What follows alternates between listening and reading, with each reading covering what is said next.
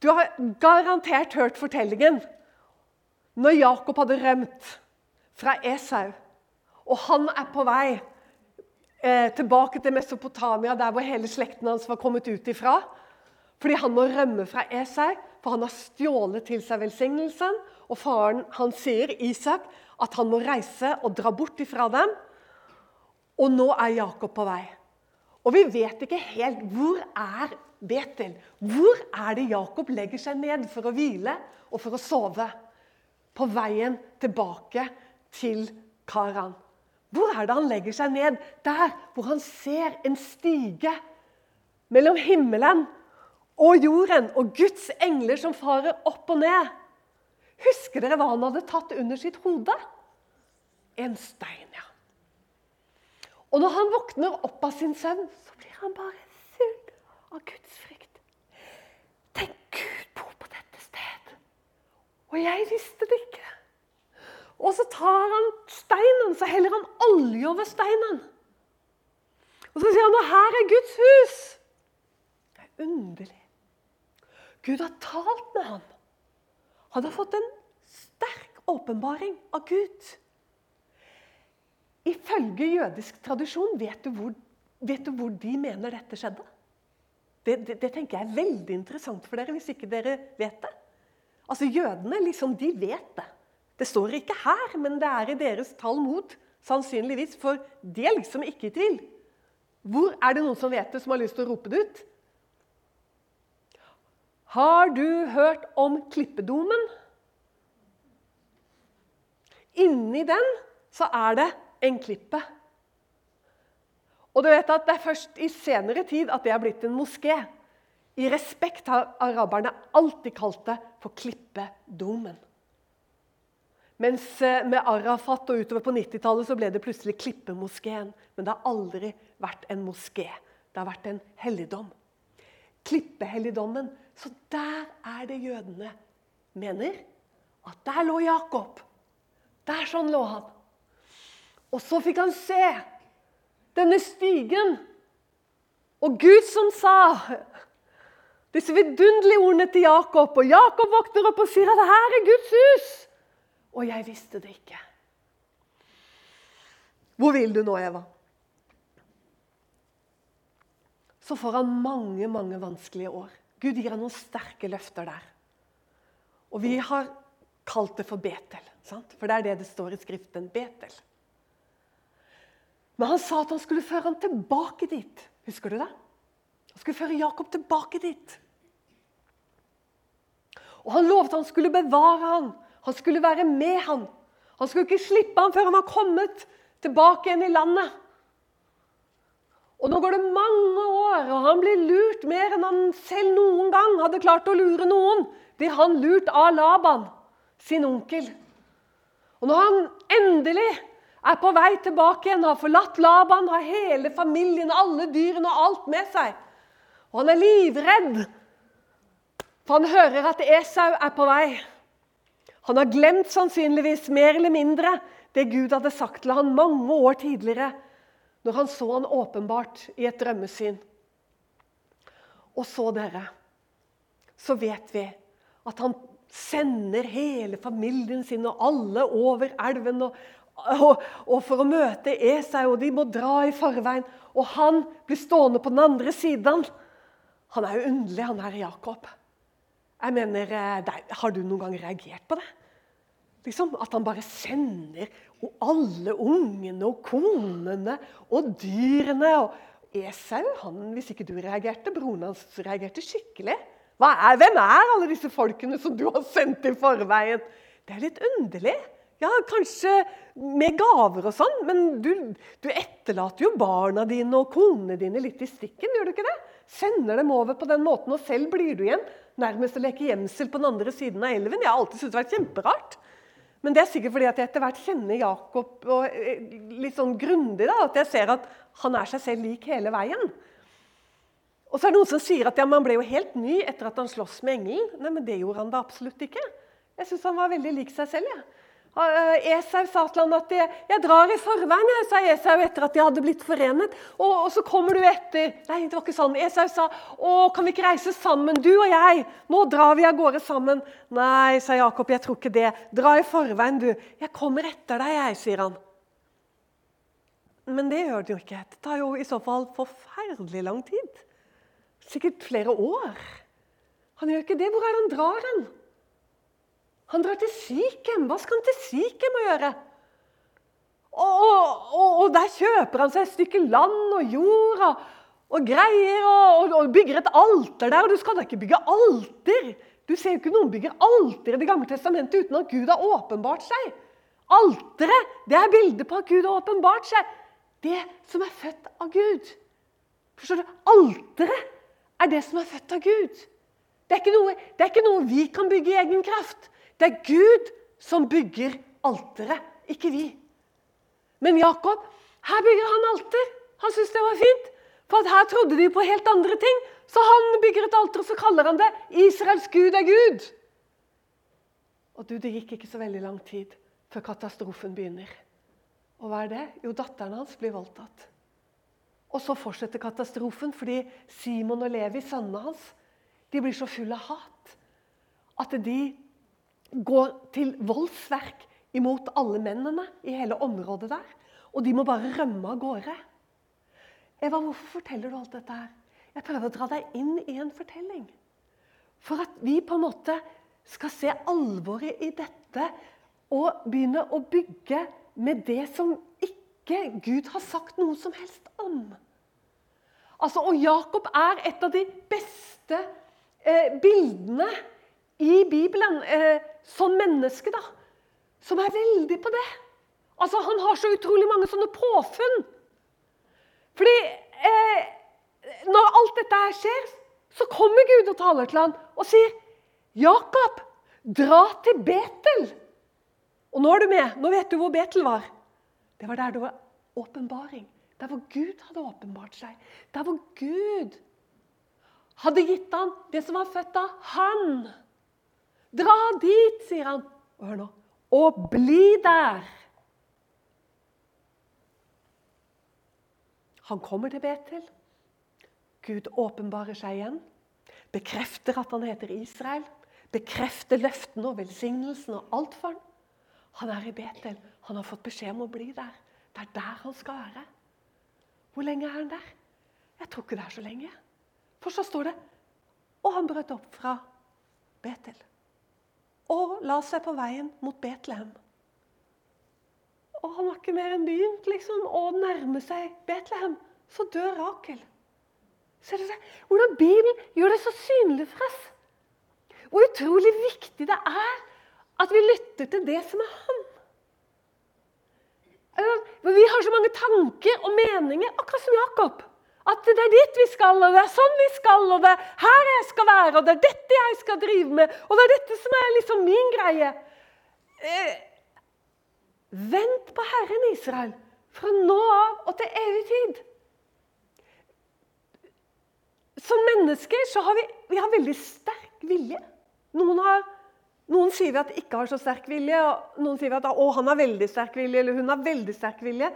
Jeg tror at Vi skjønner ikke så mye av det der. For selv om et menneske er stille og forsiktig, så kan de ha en voldsomt sterk vilje. Har du merket det? Det bør ikke henge sammen i det hele tatt.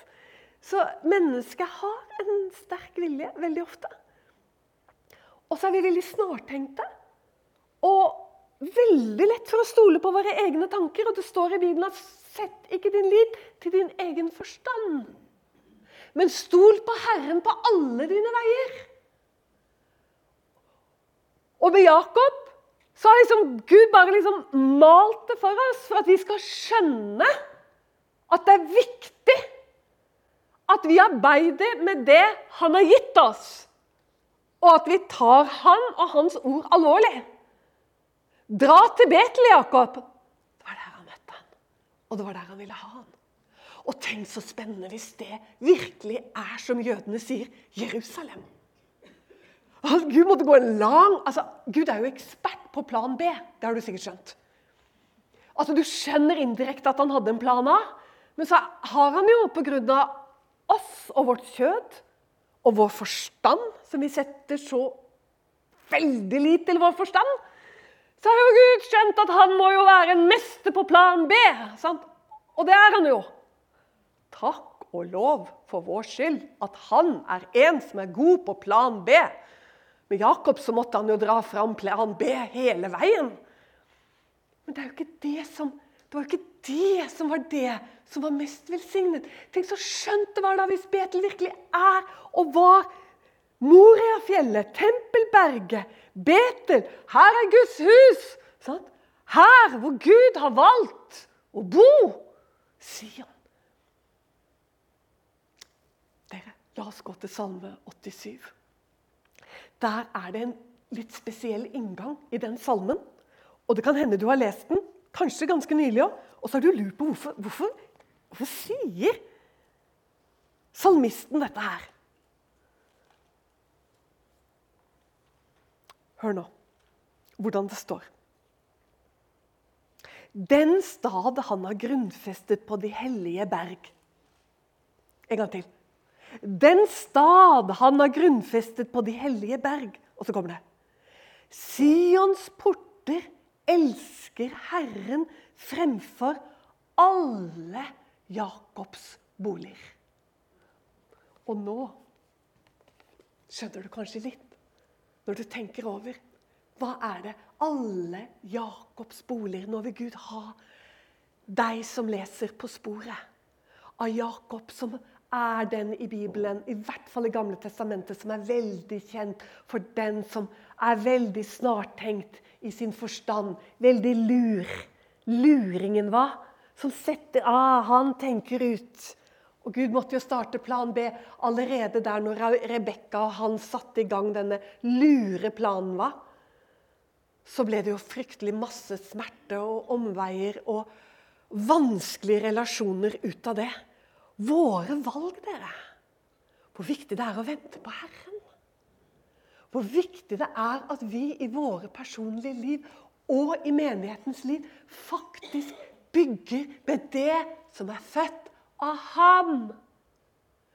Og det er det Koras barn som har skrevet denne salmen. Sions porter elsker Herren framfor alle Jakobs boliger. Altså framfor alle Jakobs påfunn. Ja, men Sion, jeg blir ikke, jeg klarer ikke å henge helt med. Hva er det du mener for noe med Sion? Hør her. Sion i Bibelen er mer enn fjellet Sion. Det er mer enn Jerusalem. Det har en åndelig betydning som er aller viktigst. Og Sion i Bibelen betyr hva da? Det som er født av Gud. Ja, men Eva, du kan ikke bare si sånn. Ja, men jeg sier det fordi jeg vet det. Sion betyr det som er født av Gud. Hør nå hvordan denne salmen slutter. Den er ikke lang, og du kan repetere den før du sovner i kveld. For den er helt overkommelig. Hør nå hvordan den slutter. Herren skal telle når folkene blir oppskrevet, og si Denne er født der. Hvor da? På Sion. Vi må ta verset før. Femte vers. Og om Sion skal det sies hver og en er født der. Hver og en av oss som er født på ny. Ikke av kjøtt, ikke av blod, men av Gud. Her sier Bibelen at vi er født på Sion. Og han skal sitte med sine bøker på Sion, åndelig talt. Og hva er det han skal si? 'Denne er født der'. Denne er født der. Og når du kommer, så håper du at han sier 'Denne er født her'. Og så er det noen som skal si Alle som synger og danser, skal si Alle mine kilder er i ham. Det står her. Det var ikke noe jeg fant på i farten, liksom. Det står her. Og det slutter sånn. Det slutter sånn. Etter Sion. Og de som synger og danser, skal si alle mine kilder er i deg. Så vidunderlig. Du, det er ikke noe særlig å synge og danse hvis det var dette her vi skulle bygge på. Du skjønner, hver av oss, når du ble født på ny, så ble du egentlig en sånn en. En Petros, du òg. Ja, men Eva, hvor har du det fra? Jo, det har jeg fra Peter selv. For Peter, som ble kalt for Petros stein, han skrev i sitt brev, andre Peters brev, hva han skrev?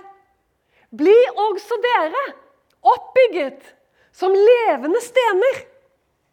Sånn at på en måte, når vi ble født på ny, så ble vi alle sånne Peterasser. Småstein, men levende. Levendegjort av Gud. Vi er levende stener, formet, dannet. Men det er jo ikke akkurat en klippe. Det er jo ikke noe fundament sånn sett. Denne steinen her, det er jo nesten mer Hva skal jeg si? Ganske vaklete greier. Men da er det utrolig godt å vite at det jeg bygger på, det er helt utenfor meg. Jeg bygger på noe, og det er derfor jeg syns det er så utrolig skummelt at noen går rundt og tror at vi skal være klipper, liksom. Vi skal være Petra. Det er jo sånn Du kan få en følelse av det noen ganger når du hører forkynnelse i dag. For det er jo så mye du må skjønne og du må forstå, og du må lære å se hvem du er. Jeg, jeg, aner ikke hvor mange kurs og bøker som er skrevet om at du må lære å forstå hvem du er. Det er noe helt nytt altså. i tidligere tider. Hvis du skulle lære å forstå hvem du var da, så var det egentlig at du skulle lære å forstå hvor liten du var. Faktisk en liten sånn Petros. Det var det de var opptatt av. At du var så avhengig av Gud. Det var liksom ikke noe å bygge på her. Hele reformasjonen bygger jo på dette. Her, dette her er det jo ingenting å bygge på. Det var jo det hele reformasjonen sto for. Det var troen alene, nåden alene og Skriften alene. Det var liksom ikke noe inni her å bygge på. Men i dag du skjønner Det Det høres ut som vi har blitt noen sånne Petra, liksom hele gjengen. Vi har blitt noen sånne store klipper. Nå tøyser jeg litt, da. Men jeg mener det litt òg. Og, og, du må lære å høre Guds røst og sånn. Akkurat som Gud er liksom Hvem er det vi har gjort Gud til? Er det jeg blir litt nervøs for. Det er akkurat som vi har gjort Gud ganske liten. Det er liksom sånn liksom bytter litt om på deg. det Gud er blitt en så liten Peter, og så vi har blitt Petra. Hvem er det som skulle tro at ikke Gud, hvis han taler, at, at han skulle ha problemer Linda, med at du forstår hva han sier? Jeg kan si deg, når Gud taler Nå må du bare stole på meg. Når Gud taler, og han kan tale så kan jeg garantere deg at du ikke kommer til å gå glipp av hva han sier. Jeg kan garantere deg det.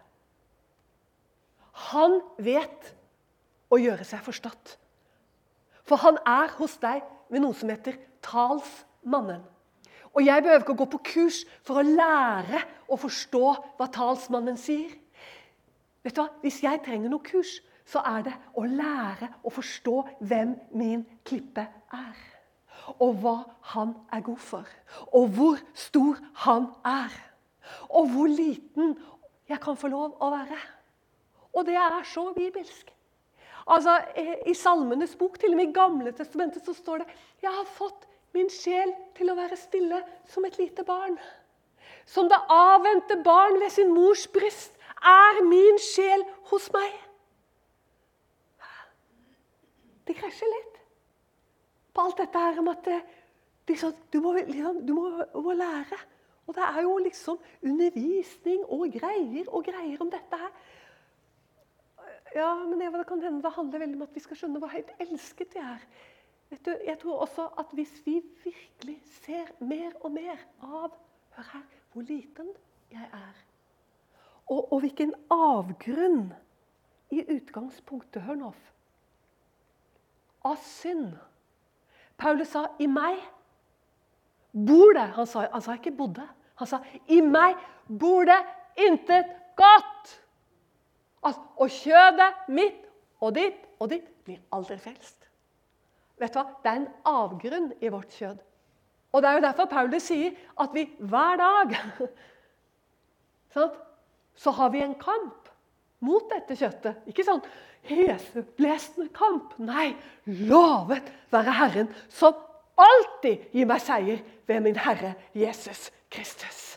Takk for Golgata. Takk, Herre, for den klippen som brast for meg. Takk, Herre, for at jeg står på noe som er så bunnsolid. Så om alt rokkes, så skal det aldri i evighet rokkes. Han dro våre føtter ut av det dype tynn. Og han satte våre føtter helt ufortjent på en klippe som ellers hadde blitt oss altfor høy. Og det skal aldri i evighet forgå. Eva, hvorfor sier du alt dette her? Jo, fordi at det er rett og slett for å bare skape noen sånne slag imot dette her, som prøver å rokke oss ut av den faste stand ved at vi stadig vendes med blikket innover mot oss selv. Om ikke andre ber oss om det, så er vi flinke på å gjøre det selv også. Men hør her, kjære venn. Du står på noe som er så bunnsolid. Vi lever i en tid som jeg kaller for Babel-tiden. Det er en underlig historie, og vi skal avslutte med den. Den står i første Mosebok i 11. kapittel, og jeg har talt om den mange ganger. Og du finner den ute på YouTube eller på nettsiden vår. Hør her, for den er så viktig. Babel, Historien om Babel og når Gud spredte den, det er en av de viktigste passasjene i hele Det gamle testamentet. For her får du nemlig denne konfrontasjonen mellom oss og Gud. Mellom levende sten og det som er født av Han, og det som er født av mennesker. Og så forteller Gud bare en historie om noe som skjedde. Og så er den historien så suveren. På godt norsk, uten å lese nå. Og fordi jeg kan den ganske utenat. De var alle sammen ett folk med ett språk. Og de gikk fram langs denne enorme sletten Siniar. Og så har de blitt enige. Og hva er det de er enige om? Man skulle jo tro det var noe aldeles forferdelig, siden Gud faktisk måtte stige ned i sin sorg over det menneskene holder på med. Så står det at de steg ned. Interessant at det er de. Hva? La oss stige ned og se hva de holder på med. De holder jo ikke på med noe annet enn at de har blitt enige om å bygge. Og så har de gjort noe som de syns er så lurt. Så står det de sluttet å bygge med Petras. Levende stein. Det står det. De sluttet å bygge med stein. Hva er det de bygget med i stedet? For nå hadde de blitt De hadde funnet noe som var så lurt. De bygget med tegl. Med murstein. De hadde altså funnet ut at hvis de lagde en mal, og så lagde de alle steinene Altså ikke steiner, tegl. Og det er steiner som er laget av mennesker. Gud, du er fantastisk. Bare for at vi alle skal skjønne at her snakker han om det som er født av mennesker, kjøtt og blod. Ja, de hadde en form, og alle ble støpt i samme formen. Alle var helt like. Genialt.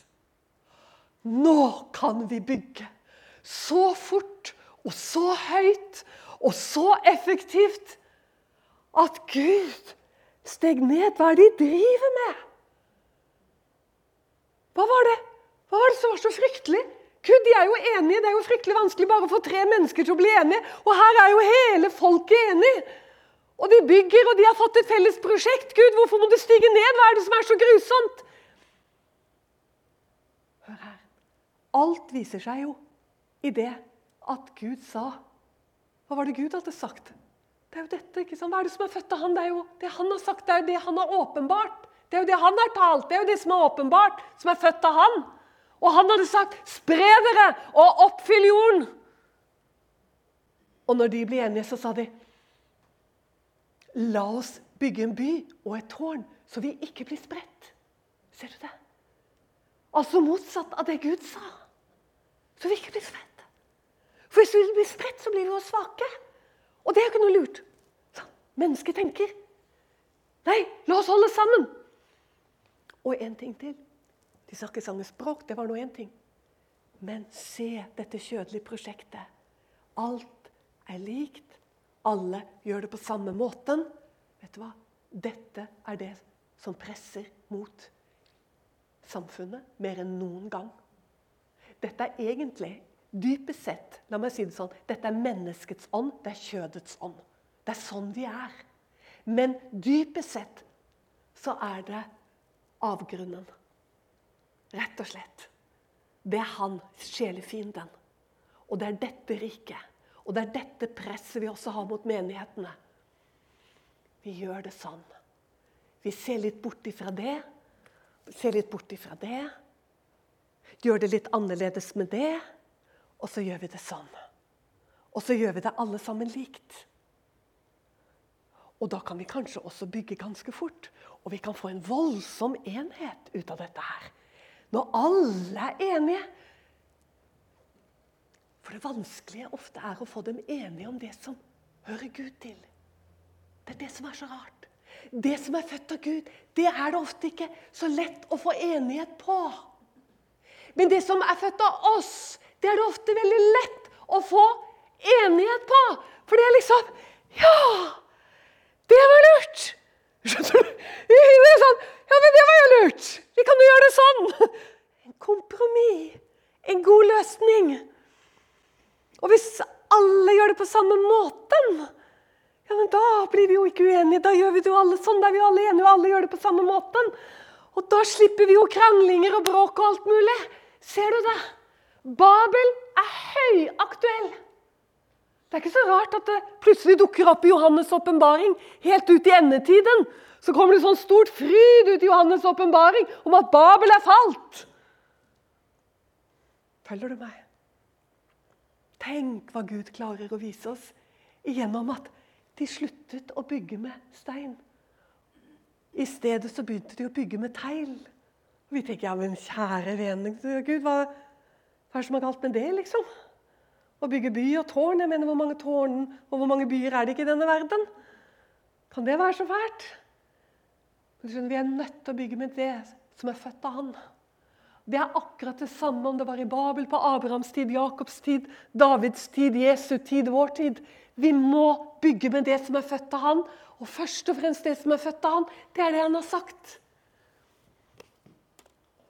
Det er jo bare det som står her. For vi er jo ikke tegl, men vi er sånne levende steiner. Og Peter han sa, 'Bli også dere oppbygget til et eh, levende hva står det for noe? hus i anden'. Levende steiner. Og det er ikke så Du skjønner jo at det kan ta litt mer tid å bygge menigheten med sånne steiner. Forstår du meg? Det, det eh, Sant? De er levende og er fantastiske, men du blir jo helt avhengig av Gud hvis du skal bygge med dette her. Og Det er det som er så skjønt. For alle er jo helt forskjellige. Men alle passer så bra i det som Gud har gitt den enkelte. Kanskje det er Linda, og kanskje den er meg, eller motsatt, og kanskje det er deg. Det, det, sånn, alle er forskjellige. Det er jo det som er så fint. Og Peter sier det er det vi skal bygge med. Det skal vi bygge med. Og da trenger vi tro. Da trenger vi virkelig tro. Og så trenger vi å vente på Herren. For det kommer til å ta lengre tid. Og det kommer Det er ikke så tilforlatelig. Vi blir sånn Å, Gud! Vi blir avhengig av Han. Og det er jo det han vil. Han vil bare at vi skal være så avhengig av han. Jeg tror ikke vi skjønner hvor innmari avhengig han vil at vi skal være. Uten å bli snåle og uten å bli sånn åndelig rare eller nervøse. Han bare vil at vi skal bare forstå at uh, han er den utrolige klippen som vi, hver og en av oss får lov å stå på av bare nåde. Og det er så spennende. Og da kan alt skje. Men vi må tørre å tro og stole på han. Og så må vi være sånn Nå skal jeg avslutte. Vi må være sånn så vil jeg ha det som er ekte. Skjønner du? At vi liksom vi kjenner tegl på lang avstand. Ja, det vil ikke ha tegl. Så jeg vil at du skal reagere på tegn. Og du skal reagere når du syns at presten eller pastoren eller hvem det er, begynner liksom sånn å lage sånn teilmenighet. Vi vil ikke ha sånn teil. Vi har alltid vært levende stener her i Lyngdal, og det skal vi fortsette å være. Amen. Jeg var inne i kapellet deres, og det var jo ganske morsomt, da, for jeg visste jo hva jeg skulle tale om. Der sto det en stor kasse med stein. vet du. fullt av sånne småsteiner. Og jeg var jo bare rett borti der vet du, og begynte grafse rundt oppi her. Så tenkte jeg her har de skjønt det. Sånn. Og så sto det oppi hyllen så sto det en stor bok, og der sto det 'Klippe, du som brast for meg'. Og jeg bare Halleluja! Jeg visste hva jeg skulle tale, for å si det sånn. Så dere, hvis dere skulle ha glemt denne talen om en ukes tid, og dere snubler innom kapellet, og så ser dere denne store kassen med stein her, gå bort og ta tak i den. Bare kjenn litt på den. Kjenn på tyngden. Husk at Newton sa at tyngdeloven det var beviset på at Gud fins. Newton, Isaac Newton sa det. Tyngdelovet er beviset på at Gud fins. Ta en stein, ta den i hånden. Kjenn på alle de rare formene som er deg. Levende sten. Som Gud, når han er født deg på ny, kan gjøre utrolige ting. I Jesu navn. Amen. Amen. Skal jeg be en bønn? Herre, jeg takker deg fordi du er så god. Fordi du som sa til